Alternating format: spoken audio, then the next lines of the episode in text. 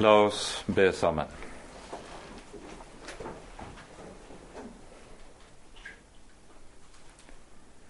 Kjære du vår Herre, du vår frelses Gud, vår frelses klippe. Så takker og lover vi deg igjen, Herre, for all din nåde og all din godhet imot oss. Takk, Herre, mest av alt at du har gitt oss din elskede sønn. Du sparte ham ikke, men ga ham for oss alle. Herre, og ved det har du òg lovet å gi oss alle ting med ham. Takk, Herre, også at du i din kjære Sønn har føyet oss sammen gjort oss til ett legeme i ham, at vi skal få høre sammen i din menighet her på jorden. Vi ber deg, Herre, ta deg av oss. Bind oss fast til din Sønn, slik at vi også må forbindes fast sammen med hverandre. Kom med din Hellige Ånd og vær hos oss denne kvelden. Det ber vi for ditt eget navns skyld. Og takker og lover deg, Herre, fordi du er god, og din miskunnhet varer til evig tid. Amen.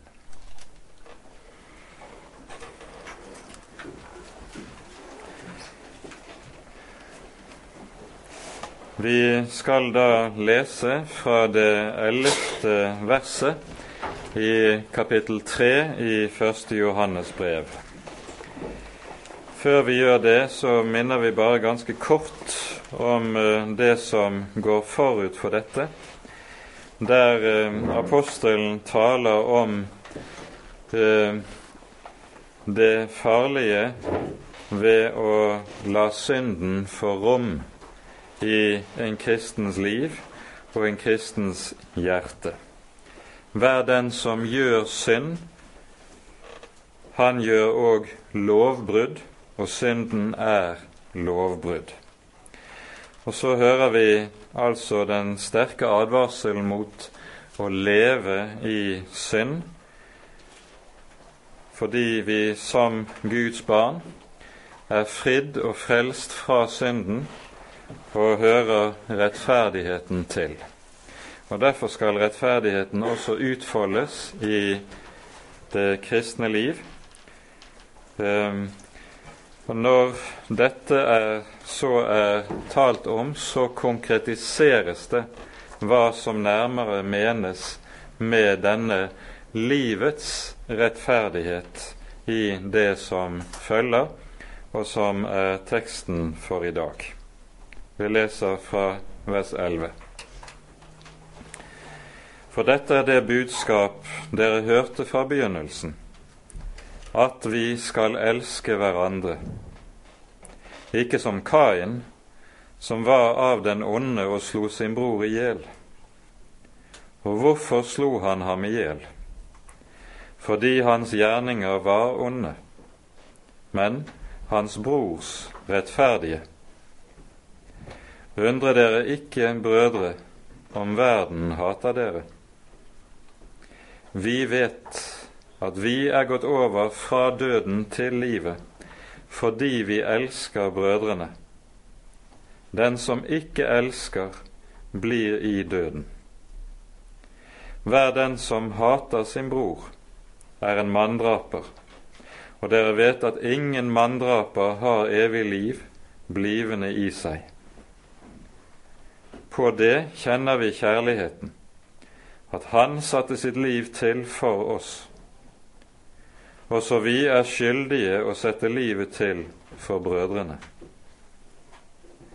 Men den som har verdens gods og ser sin bror ha trang, og lukker sitt hjerte for ham, hvorledes kan kjærligheten til Gud bli i ham? Mine barn, la oss ikke elske med ord eller med tunge, men i gjerning og i sannhet. Og på dette skal, kan vi kjenne at vi er av sannheten. Og så skal vi stille vårt, våre hjerter tilfreds for Hans åsyn. For om enn vårt hjerte fordømmer oss, så er Gud større enn vårt hjerte og kjenner alle ting. Dere elskede, dersom vårt hjerte ikke fordømmer oss, da har vi frimodighet for Gud, og det vi ber om, det får vi av ham, for vi holder Hans bud og gjør det som er Han til behag. Og dette er Hans bud, at vi skal tro på Hans Sønn, Jesu Kristi navn, og elske hverandre således som Han bød oss. Og den som holder Hans bud, blir i ham og han i ham. Og på dette kjenner vi at Han blir i oss av den ånd som Han ga oss. Amen.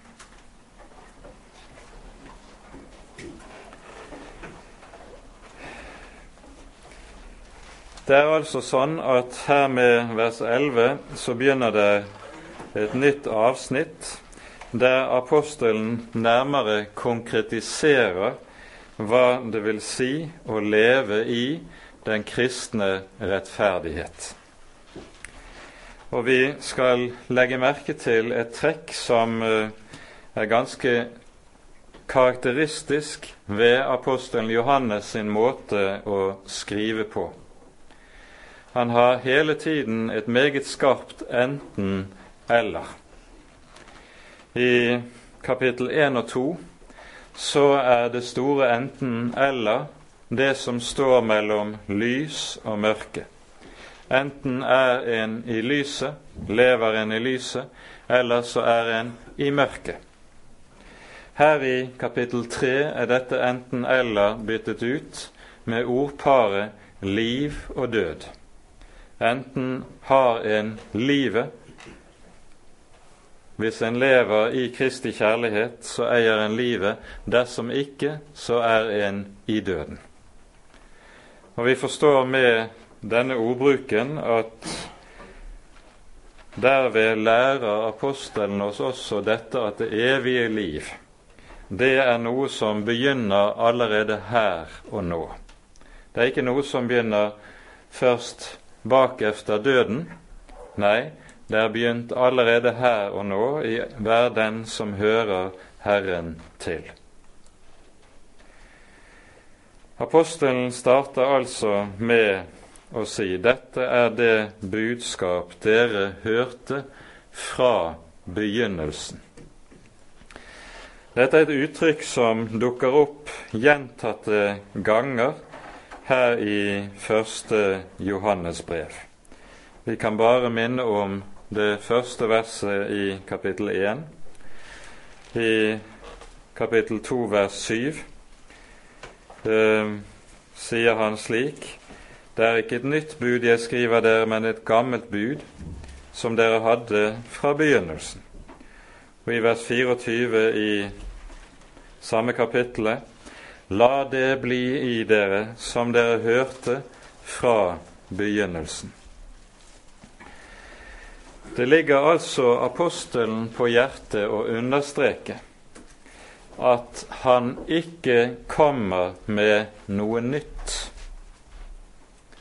det som kjennetegnet disse vranglærere, som både direkte og indirekte eh, er foranledningen til 1. Johannes brev, det er nettopp det at de kom med noe nytt. Vi møter en gjenklang av dette i andre Johannes brev, der det står slik i det niende verset. Vi kan først peke på hvordan det står i vers 6 i 2. Johannes brev. Dette er kjærligheten, at vi vandrer etter Hans bud. Og dette er budet således som dere hørte fra begynnelsen. Og så kommer det i vers 9.: Vær den som går videre og ikke blir i Kristi lære. Han har ikke Gud, men den som blir i læren, han har både Faderen og Sønnen. Det er ikke sjelden i Kirkens historie at det har dukket opp retninger som har talt om at eh, man må gå videre. Og den da videregående undervisning den handler om at det som en har hørt, og som utgjør barnelærdommen og grunnlaget i troen, det er noe en må utvikle seg videre fra. En må ikke bli stående på barnestadiet. En slik måte å tale og tenke på, den er fremmed for apostelen. I stedet hører vi altså at han gjentatte ganger sier dette. La det bli i dere som dere hørte fra begynnelsen. Det som nemlig er troens grunnleggende sannheter, det er slike sannheter som ikke er noe en kristen skal utvikle seg videre fra, vokse ut av og legge bak seg. Tvert om er det slik at dette er noe som en kristen stadig skal vokse dypere inn i. Det er det det er å vokse i nåde og i sannhet. Altså, en går ikke forbi, en vokser ikke ut av det som er troens grunn, og som vi har hørt i barnelærdommen, men tvert om grunnfestes en i dette, utdypes dette, fordypes dette, slik at det som en kanskje til å begynne med, når en husker hva en lærte i barndommen, virket som noe barnslig og enkelt, det vil en gradvis med troens vekst se at dette er noe som inneholder usigelige dybder, og som derfor er noe jeg aldri kan bli ferdig med. Alltid i stedet må komme tilbake til, stadig på ny fordype meg grundigere i. Dette er saken, og dette er uhyre betydningsfullt, for også i dag så møter vi slike retninger som taler om at nå, nå må du gå videre. Du må legge bak deg, du kan ikke bli stående på dette barnestadiet. Dette er det altså apostelen taler om i denne sammenhengen. Og hva er det som er hørt fra begynnelsen? Vi skal elske hverandre. Kjærligheten, den er troens første frukt. Det hører vi både i evangeliene, når Jesus underviser disiplene, og ikke minst i det viktige ordet i Galaterbrevets femte kapittel, der det taler om åndens frukt. Når Paulus der taler om åndens frukt, så taler han først i forkant om kjødets gjerninger, og så i motsetning til dette. Men åndens frukt er kjærlighet, glede, fred, langmodighet, tålmodighet osv. Han lister opp ti ulike frukter i den sammenheng. Og Den kjærlighet som det i denne sammenheng er tale om, det er den kristne broderkjærligheten. Det er ikke det at nestekjærligheten i alminnelighet ligger utenfor horisonten, utenfor budskapet. Det hører med nærmest som et selvsagt ting eh, i apostelens tale. Men det han særlig taler om her, det er den kristne broder- eller søskenkjærlighet. For her er det nemlig slik, og det er noe vi vet av erfaring, at særlig hvis det er noen av dere som har opplevd det å bli omvendt i voksen alder, da har det gjerne vært slik at før du ble omvendt, så så du på kristne mennesker som noen som var noe ganske håpløse individer, og som slett ikke var noe hyggelig å være sammen med. De var noen gledesdrepere, og de var både det ene og det andre. Helst ville man slippe å være i deres selskap. Men så kom du til troen. Du lærte Jesus å kjenne. Og plutselig blir det slik at de mennesker som du før ikke kunne fordra å være sammen med, nå er det ingen du heller vil være i lag med enn nettopp de. Altså, du får et helt nytt grunnforhold til Guds folk, til troens mennesker. Dette er åndens frukt. Og det er noe som kommer av seg selv med troen på Herren Jesus. Og slik apostelen taler om det i denne sammenheng, så forstår vi at dette er et grunnkjennetegn på at troen er sann. En sann og levende tro fører til at Guds barn har den største glede av å være sammen med hverandre og møtes, komme sammen i Jesu navn, få lov til å dele troen og dele fellesskapet sammen. Vi synes at dette høres jo ikke så veldig vanskelig ut. Nei, det er ikke det. For det er nettopp noe som er en åndens frukt som du ikke har fått til selv. Det er noe som er virket i deg og av deg ved Den hellige ånd i kraft av troen på Jesus, troen på evangeliet. Du er podet inn i Kristus, og derfor vet du også at du hører sammen med alle andre som er podet inn på Kristus. Slik er dette samfunn, dette fellesskap, denne innbyrdes kjærlighet mellom Guds barn den første og den grunnleggende frukt av troen. Det er det apostelen taler om i denne sammenheng.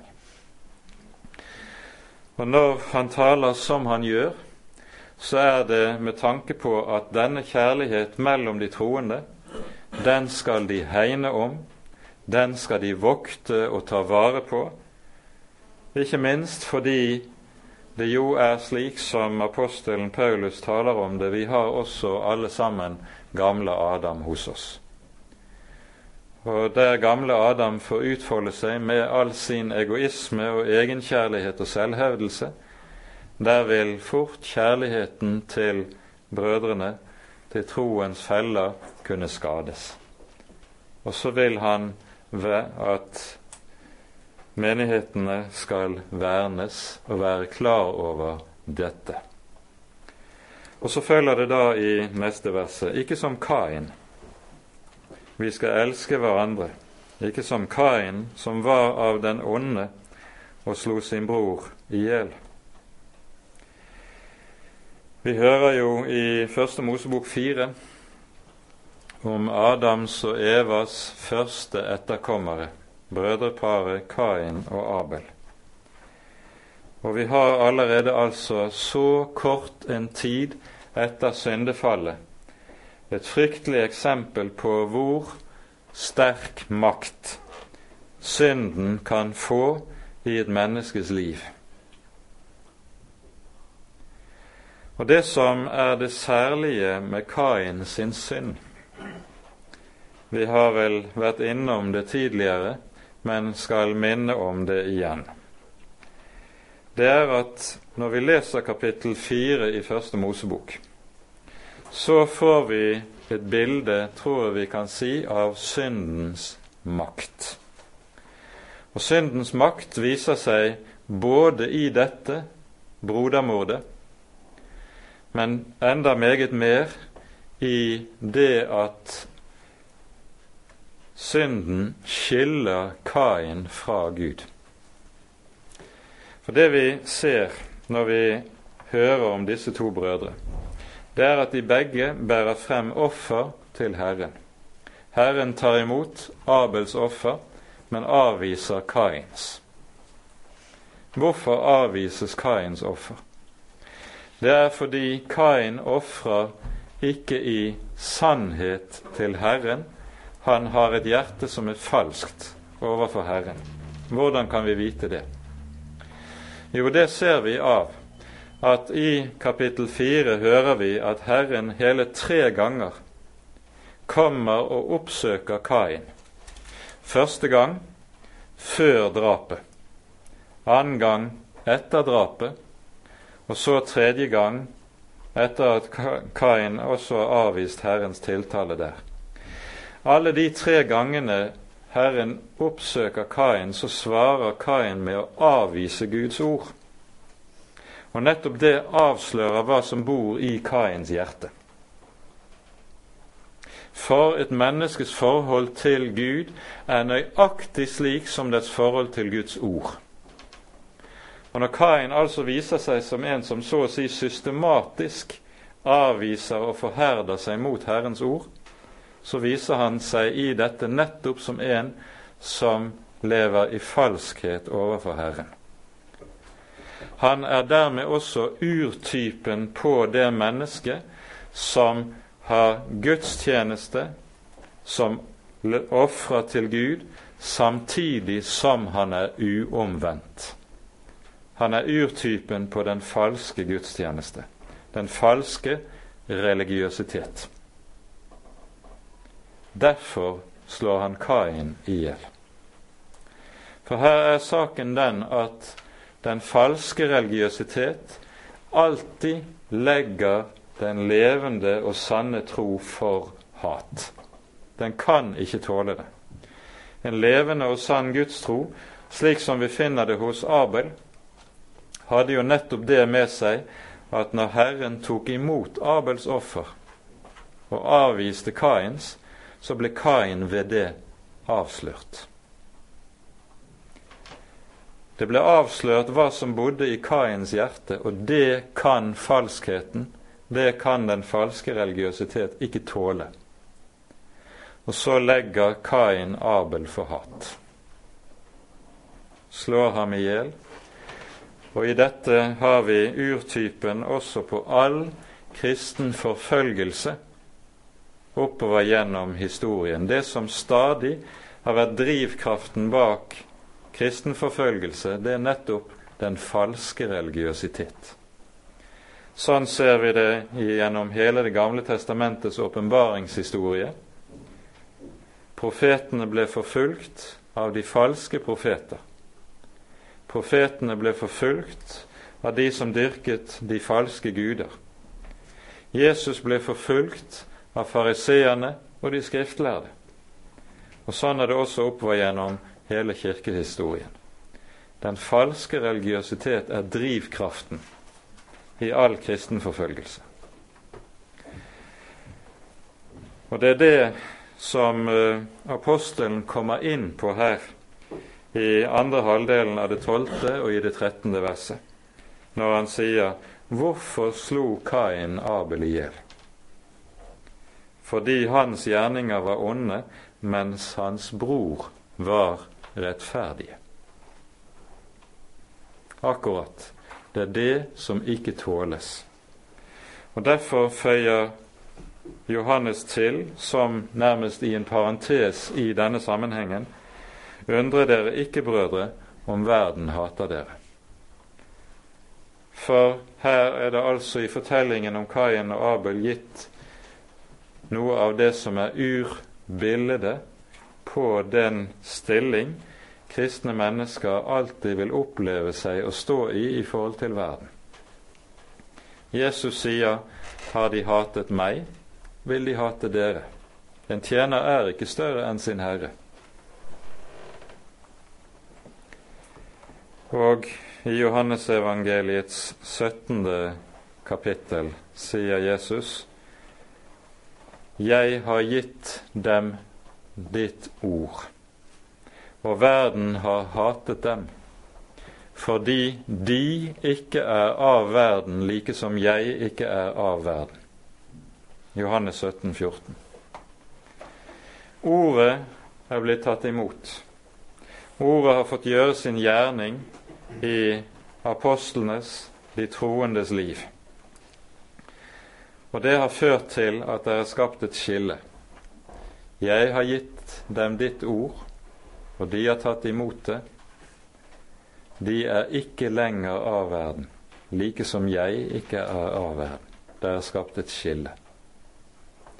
Og så legges de for hatt. Dette er altså noe av den store forskjellen mellom verdens holdning til troens folk og den innstilling som kristne har til hverandre.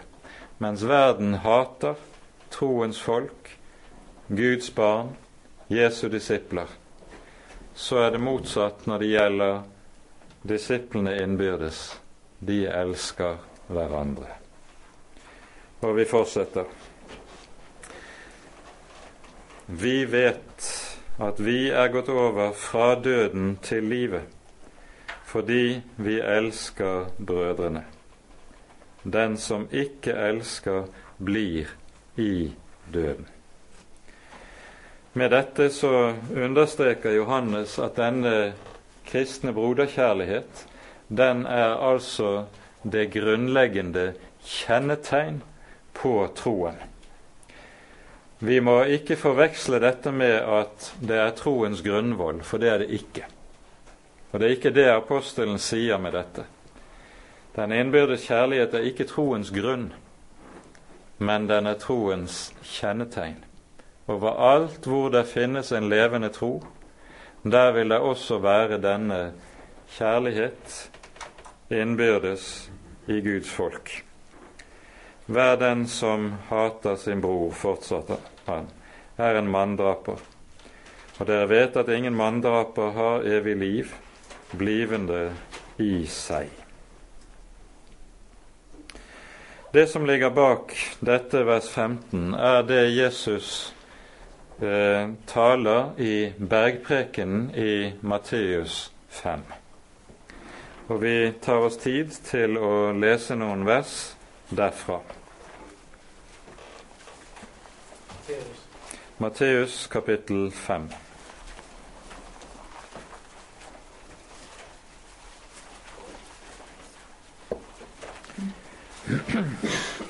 Vi leser fra vers 21. Dere har hørt det er sagt til de gamle, du skal ikke slå i hjel, men den som slår i hjel, skal være skyldig for dommen. Men jeg sier dere at hver den som blir vred på sin bror uten grunn, skal være skyldig for dommen. Men den som sier til sin bror Raka, skal være skyldig for rådet, men den som sier du dåre, skal være skyldig til helvetes ild. Hva er poenget med disse versene? Det er at her utlegger Herren Jesus det femte budet du skal ikke slå i hjel. Og Poenget med Jesu utleggelse er at dette budet er ikke oppfylt fordi om man ytre sett har latt være å slå et menneske i hjel. Nei, budet sikter også på et menneskes hjerte. Du skal ikke nære hat. Du skal ikke nære fiendskap. Du skal ikke nære motvilje, bitterhet mot din neste, mot din bror. For også med hjertet kan en gjøre seg selv til manndraper. Også ved å hate blir en del. Blir en det. Hver den som hater sin bror, er en manndraper, sier apostelen. Denne måte å utlegge budene på, nemlig at budene ikke bare sikter på den ytre handling, men også på våre hjerter, og hva som ligger i våre hjerter. Det kalles eh, i Bibelen, i Romerbrevet, for en åndelig utleggelse av loven. En åndelig utleggelse av loven. Den, det handler altså om at Gud sier har, sånn som Luther uh, taler om det. Gud har ikke sagt til hånden min at du skal ikke slå i hjel, men han har sagt det til meg. Og dermed så sikter han på mitt hjerte, på hele min personlighet. Og det er denne måte å tale og tenke på om Guds lov. For nettopp å utlegge loven slik Dette gjelder jo alle budene. Vi hører Jesus senere utover i samme talen anvende dette også på det sjette budet. Du skal ikke drive hor. Jeg sier dere at hver den som ser på en kvinne for å drive hor med henne i sin hjerte, han har allerede drevet hor. Og så videre. Det handler om det som sammenfattes i det niende og tiende budet med ordene 'Du skal ikke begjære'. Og med en gang loven får en slik rekkevidde, der altså også det å ha lyst til synd er synd, da stenger loven alle smutthuller for oss. Da har vi ingen utveier lenger til å komme unna i innbilning om at vi er rettferdige, og at vi har vårt på det tørre. Da er vi, og da havner vi på anklagebenken som skyldige alle sammen. Dette er noe av det som er Guds lovs innerste gjerning og hensikt når den skal inn til oss. Og det er noe av det altså apostlene er inne på i ordet her. Dere vet at ingen manndraper har evig liv blivende i seg. Så fortsetter han, på dette kjenner vi kjærligheten, at han satte sitt liv til for oss. Også vi er skyldige til å sette livet til for brødrene. Nå er det grunn til i denne sammenheng å minne om igjen eh, at når Det nye testamentet taler om kjærlighet, så bruker det konsekvent nesten alltid et bestemt ord på gresk som var meget lite i bruk i samtiden.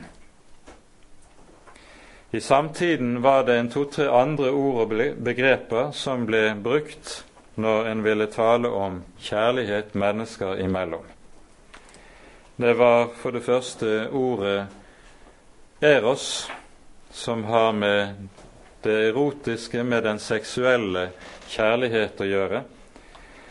Og eh, vi vet fra den kultur som vi lever i i dag, så er det også, også mer og mer blitt slik at når en taler om kjærlighet i kulturen omkring oss, så tenker en først og fremst på sex. Slik var det med, også med bruken av begrepet eros. Og Det som er tanken i, eller noe av grunnbetydningen i dette ordet, det er kjærligheten som begjær. Så hadde man et annet ord som også ble brukt ganske meget.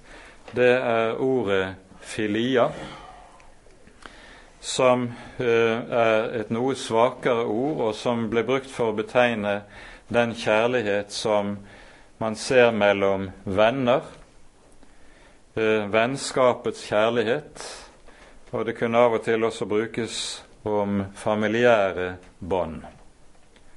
Det er kjærligheten i forhold til slike som du kjenner deg på bølgelengde med eller beslektet med, og som eh, etter naturen står deg nær. Men så har vi altså det ordet som brukes i Det nye testamentet, ordet agape. Og det er et ord som har en ganske annen valør. Og den taler om kjærligheten slik som Bibelen for øvrig gjør det, i motsetningen til egoismens begjær. Nemlig om kjærligheten som det som ofrer, som gir seg selv for sin neste. Det er det som ligger i begrepet. Det er kjærlighet som selvhengivelse, som vilje til å ofre seg og legge livet ned for nesten sin skyld. Det er dette begrepet som anvendes om Herren Jesus. Han kommer jo nettopp som den som gir seg selv. Han elsket meg og ga seg selv for meg, skriver Paulus i Galaterbrevet. Og det er dette vi hører om i vår sammenheng også. På dette kjenner vi kjærligheten. At Han satte sitt liv til for oss. Dette peker på kjærligheten som noe som på den mest radikale måte står i strid med det som ligger i oss etter syndefallet, nemlig egoismen, egeninteressen, trangen til å mele sin egen kake og finne egne fordeler ved, alle, ved enhver anledning. Den menneskelige egoisme har det jo med at den også meget gjerne kan forholde seg til andre mennesker som kun som midler til å tilfredsstille det jeg måtte ha lyst på. Man bruker andre mennesker, man manipulerer andre mennesker for å nå egne mål, for å få sin egen vilje, for å oppnå det en måtte ønske seg. Og det å bruke andre mennesker slik, det er det motsatte av kjærlighet. Kjærligheten bruker ikke og forbruker ikke nesten. Tvert om, den kristne kjærlighet, den gir seg selv og er villig til det. Den forholder seg aldri, for å si det med fremmedord, instrumentalt til nesten, slik at nesten er så å si en forbruksvare som jeg bruker ut fra egeninteresse. Tvert om er det slik at nesten så å si blir et mål i seg selv. Jeg gir meg selv for min neste. Det er det som er tankegangen i det. Og her er det altså Guds sønn er vårt store forbilde. Jesus er her både vårt forbilde, og i det han gir seg selv for vår skyld, så er han også vår frelses grunn og vår frelses kilde. Og i det han gjør, er det vi ser kjærligheten legemliggjort. Dette går apostelen mer utfyllende inn på i det fjerde kapittelet, men tonen er allerede anslått i det vi hører her i dette verset. Og så sies det altså også vi er skyldige til å sette livet til for brødrene, om så skulle kreves, om så skulle være nødvendig. Fra Oldkirken, martyrtiden den gang, så er det i martyrhistoriene tallrike fortellinger om hvorledes de kristne var villige til å ofre usigelig meget for hverandre. Det er ofte meget gripende lesning, og det er lesning som gjør at vi når vi ser på oss selv, kan føle oss ganske så skamfulle over oss selv og vår egen egoisme. Men dette var noe som var brennende klart og brennende sterkt innen martyrkirken i de første århundrene. Og du ser det igjen overalt på jorden der den kristne menighet lider og står under forfølgelse. Nå konkretiseres dette også videre inn på en annen måte. Den som har verdens gods og ser sin bror ha trang, og lukker sitt hjerte for ham, hvorledes kan kjærligheten til Gud Egentlig står det hvorledes kan Guds kjærlighet bli i ham. Dette har altså også ikke bare med sånne allmenne og generelle og store ord å gjøre om at vi må gi oss selv og ofre oss selv, men det får også ganske konkret utslag i forhold til det vi eier. Med å bli et Guds barn så kommer en kristen i et nytt forhold også til sin eiendom. til sine penger. Det er ikke noe som lenger er et mål i livet å få mest mulig av, med tanke på at en skal kunne nyte mest mulig. I stedet hører vi Paulus si i Efeserbrevets fjerde kapittel Den som stjal, stjele ikke lenger, men arbeide med sine hender for at han kan ha noe å gi til den som trenger. Legg merke til den setningen som kommer der. For at han kan ha noe å gi. Dette peker på hensikten med det kristne arbeid, som er en kallsgjerning nettopp med tanke på nesten. For at han kan ha noe å gi til den som trenger. Den som trenger, det kan både gjelde min egen familie, mine egne barn. De er slike som trenger gjennom hele oppveksten. Altfor ofte kan man oppleve i våre dager at det er enkelte foreldre som tenker mer på seg selv enn på sine barn. Det er en farlig ånd som ligger i dette barna trenger. Og så er man foreldre, så har man en kallsgjerning i forhold til dem. Og kallsgjerningen går også videre til vår neste. Det kan være vår nabo. Og ikke minst tror jeg vi i våre dager skal huske på at vi i dag lever i en martyrtid, der store deler av den kristne kirke rundt omkring i verden lider under tung forfølgelse.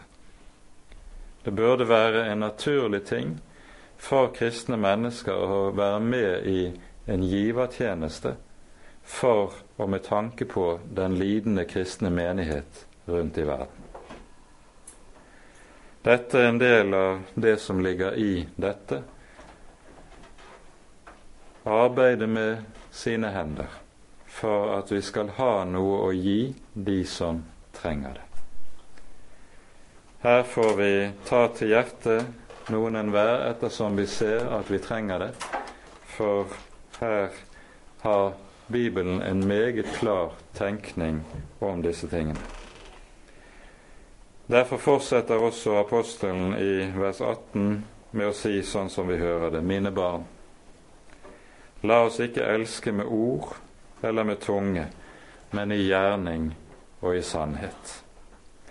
Det som ligger umiddelbart i nærheten her, det er det vi hører i Jakobs brev, i det andre kapittelet, der det står slik i vers 15 og 16. Om en bror eller søster er naken, fattes føde for dagen, og noen av dere sier til dem, gå bort i fred, varm dere og mett dere, men ikke gir ham det som legemet trenger, hva nytter det? Å tale høylytt om kjærligheten med fine ord, det er ikke vanskelig men kjærligheten røynes alltid i handling. I ordspråkene står det sånn i det tyvende kapittelet. Mang en mann roper høyt, hver om sin kjærlighet. Men hvem finner en trofast mann? Denne tendensen til å tale høylytt og pent og vakkert om kjærlighet og sin kjærlighet, den er lite verd. For det det handler om, det er den trofastheten som stiller opp, og som gir når det trengs. Det er å elske i gjerning og sannhet, som det her sies. Så kommer vi til det 19. og 20. verset. Og Dette er noen vers som er ganske vanskelige rent oversettelsesmessig. Eh, mange fortolkere leser disse versene slik at når det står 'på dette skal vi kjenne at vi er av sannheten', så siktes det altså med dette på dette til det som går forut. Altså, en kristen kan vite at han er av sannheten på om han altså elsker sin neste, elsker sin bror, osv.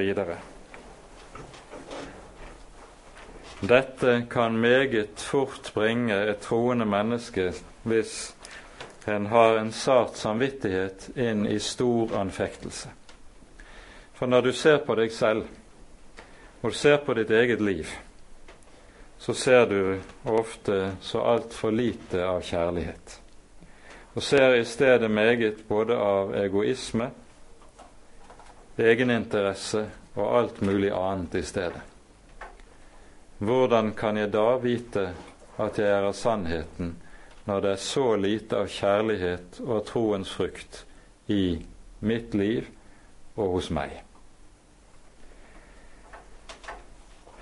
For min egen del så tror jeg at dette som her sies, på dette skal vi vite, det er det som er grunntekstens ordlyd, skal vi vite at vi er av sannheten, det sikter mot det som kommer i det etterfølgende vers, nemlig om enn vårt hjerte fordømmer oss, så er Gud større enn våre hjerter og kjenner alle ting.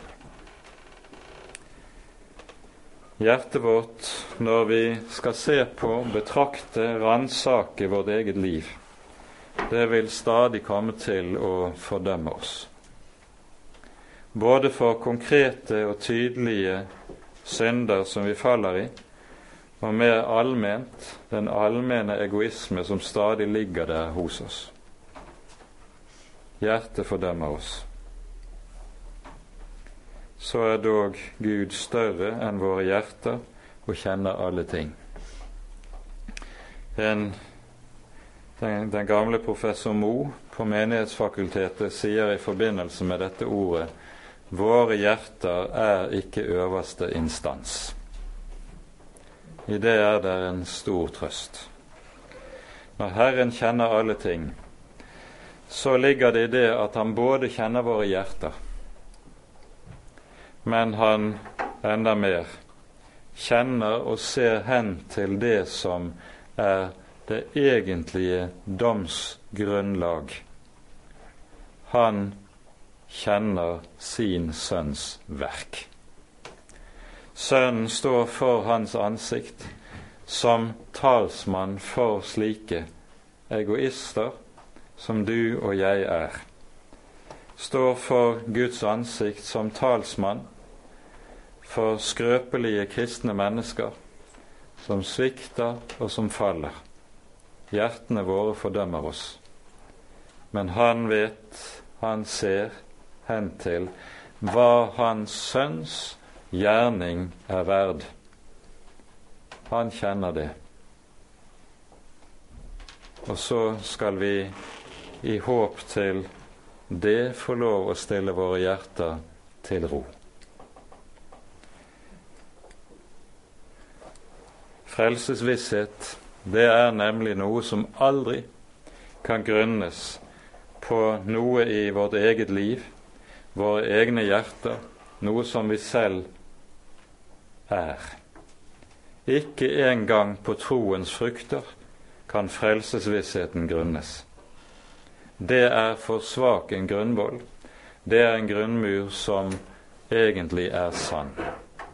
Frelsesvissheten må ha en helt annen grunnmur, som ligger utenfor oss selv. Frelsesvisshetens grunn den ligger i Herren Jesus og i Hans kors. Der alene.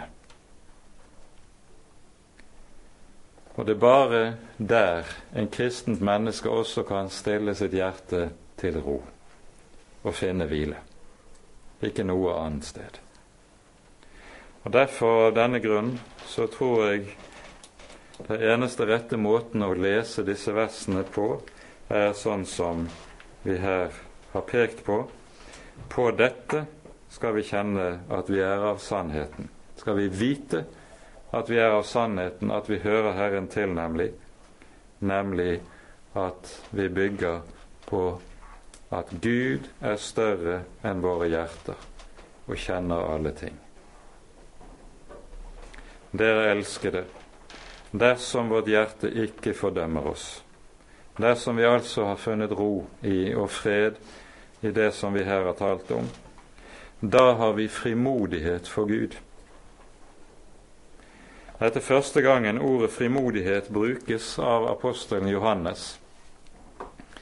Og vi skal legge merke til at Unnskyld, det er andre gangen ordet frimodighet brukes her i brevet. Første gangen er i kapittel to, der det taler om dommen, den siste store dom.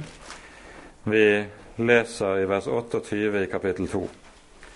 Nå, mine barn, bli i ham, for at vi, når Han åpenbares, skal ha frimodighet og ikke bli til skamme for ham ved Hans komme. Det er slik i Det nye testamentet at det særlig er i disse to sammenhenger vi møter begrepet frimodighet. Den ene sammenhengen er i forbindelse med talen om dommen. En kristen kan være frimodig i møte med den dom som ligger foran på den siste store dag, så sant han er hos Jesus. Jesus er den som ved sin død, ved sitt blod, frir meg fra dommen. Og I tro og i tillit og i håp til ham kan jeg også være frimodig innenfor døden, for graven, for dommen. Og I den andre sammenheng som Det nye testamentet særlig bruker dette ordet, så er det i sammenheng med bønnen. Når en kristen trer frem for Gud, så skal han også få lov til å gjøre det med stor frimodighet når han ber. Nemlig han ber i Jesu navn. Han kommer til Herren ikke i sitt eget navn, ikke ved, med å vise til noe i sitt eget liv, men med å peke på og vise til hva jeg har i Jesus. På det grunnlag, i Jesu navn, kan jeg være frimodig, også når jeg ber.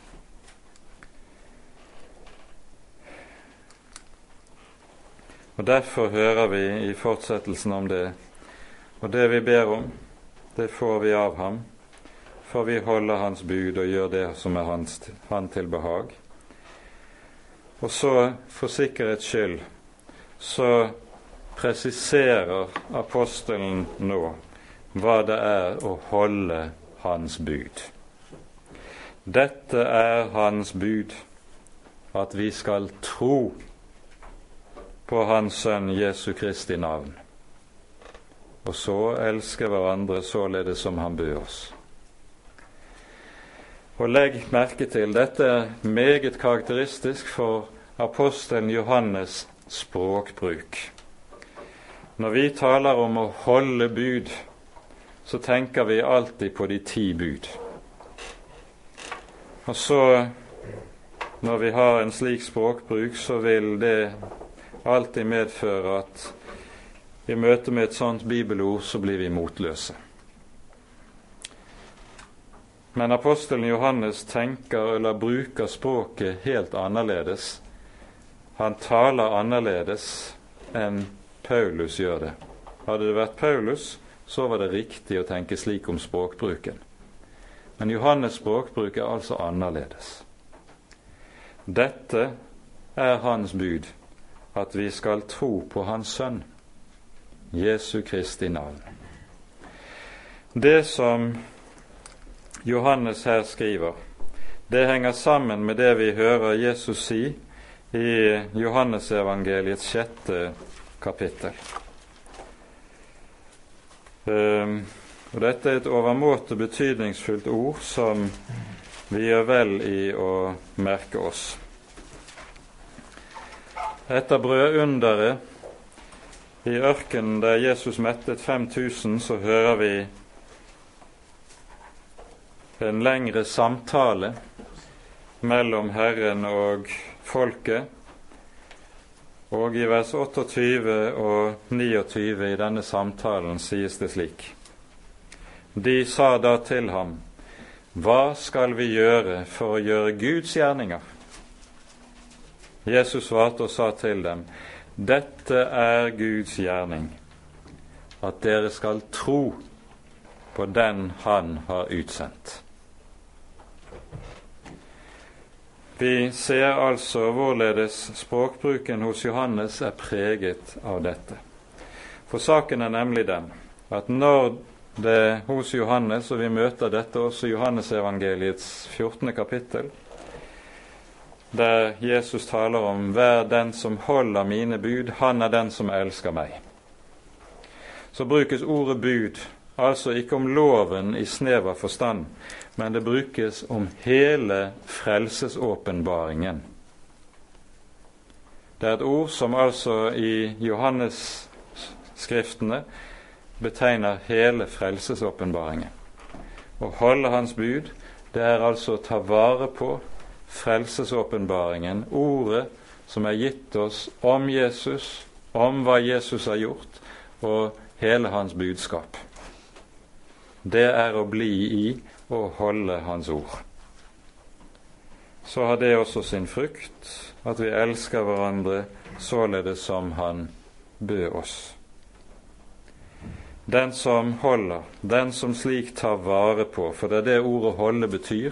Det betyr å ta vare på og bevare, slik som en passer på noe som er verdifullt for en. Den som slik holder Hans bud, blir i ham. Og Dette er jo noe av grunntonen i Johannesevangeliets 15. kapittel, der Jesus taler om vintreet. Jeg er vintreet, dere er grenene. Bli i meg, så blir jeg i dere. Og på dette kjenner vi at Han blir i oss av den ånd som Han ga oss. Og med det er vi kommet over til overgangen til et nytt hovedavsnitt i brevet, som begynner med kapittel fire. Og hva som ligger i det som sies her, av den ånd som Han gav oss, det ser vi i de påfølgende vers. Vi må nemlig ikke lese dette som her står, slik som om det skulle sikte på at du skal føle etter og kjenne etter i ditt eget hjerte om du kan føle at du har Den hellige ånd inni der. Det er nok av de som taler slik om Den hellige ånd i våre dager. Det er ikke det som ligger i det i det hele tatt. Det ser vi i fortsettelsen, nemlig dere elskede, sies det, tro ikke enhver ånd men prøv åndene om de er av Gud. Den hellige ånd, slik det her er tale om det, det er en ånd som er kjennetegnet ved at han bærer frem et bestemt budskap om Jesu person. Det er altså en bestemt sannhetsinnhold, en tro, som griper om sannheten om evangeliet, sannheten om hvem Jesus er. Det er det som er kjennetegnet på Ånden. Og Derfor hjelper det svært lite å føle etter i sitt eget hjerte om du kan finne eller høre eller kjenne noen ånd eller høre noen åndens røst inni ditt eget hjerte. Det vil du aldri finne. Og de som vil lære oss å høre etter Ånden eller Åndens røst inni våre egne hjerter, det er profeter som leder oss på ville veier. Den hellige ånds røst høres aldri i våre egne hjerter. Det hører svermeriet til. Slik kaller Martin Luther det meget treffende. Det fører til svermeri, til overåndelighet, til usunnhet i troen. For Den hellige ånd taler til oss gjennom Ordet, gjennom Skriften, ikke på noen annen måte. Og det er da Åndens budskap som kommer til oss i Skriften, i Det hellige ord, som så er tema i det som følger i det fjerde kapittelet, og det får bli det vi taler om neste gang. Men vi merker oss som summen på det vi har hørt her i det tredje kapittel, det vi leser i vers 23. Dette er Hans bud, at vi skal tro på Hans Sønn, Jesu Kristi navn, og elske hverandre således som Han bød oss. Disse to ting hører i apostelens budskap uløselig sammen. Kjærligheten kan ikke løses fra troen på Jesus. Troen på Jesus kan ikke løses fra kjærligheten. De hører uløselig sammen. Slik som to sider av en mynt gjør det. Det ene er aldri uten det andre dersom det er sant. Dersom det er tro uten kjærlighet, så er troen falsk. Dersom det er kjærlighet uten tro, så er kjærligheten falsk. De hører sammen uløselig. Og dette er det altså apostelen vil lære oss gjennom det vi har hørt i det avsnittet som vi nå har hatt for oss.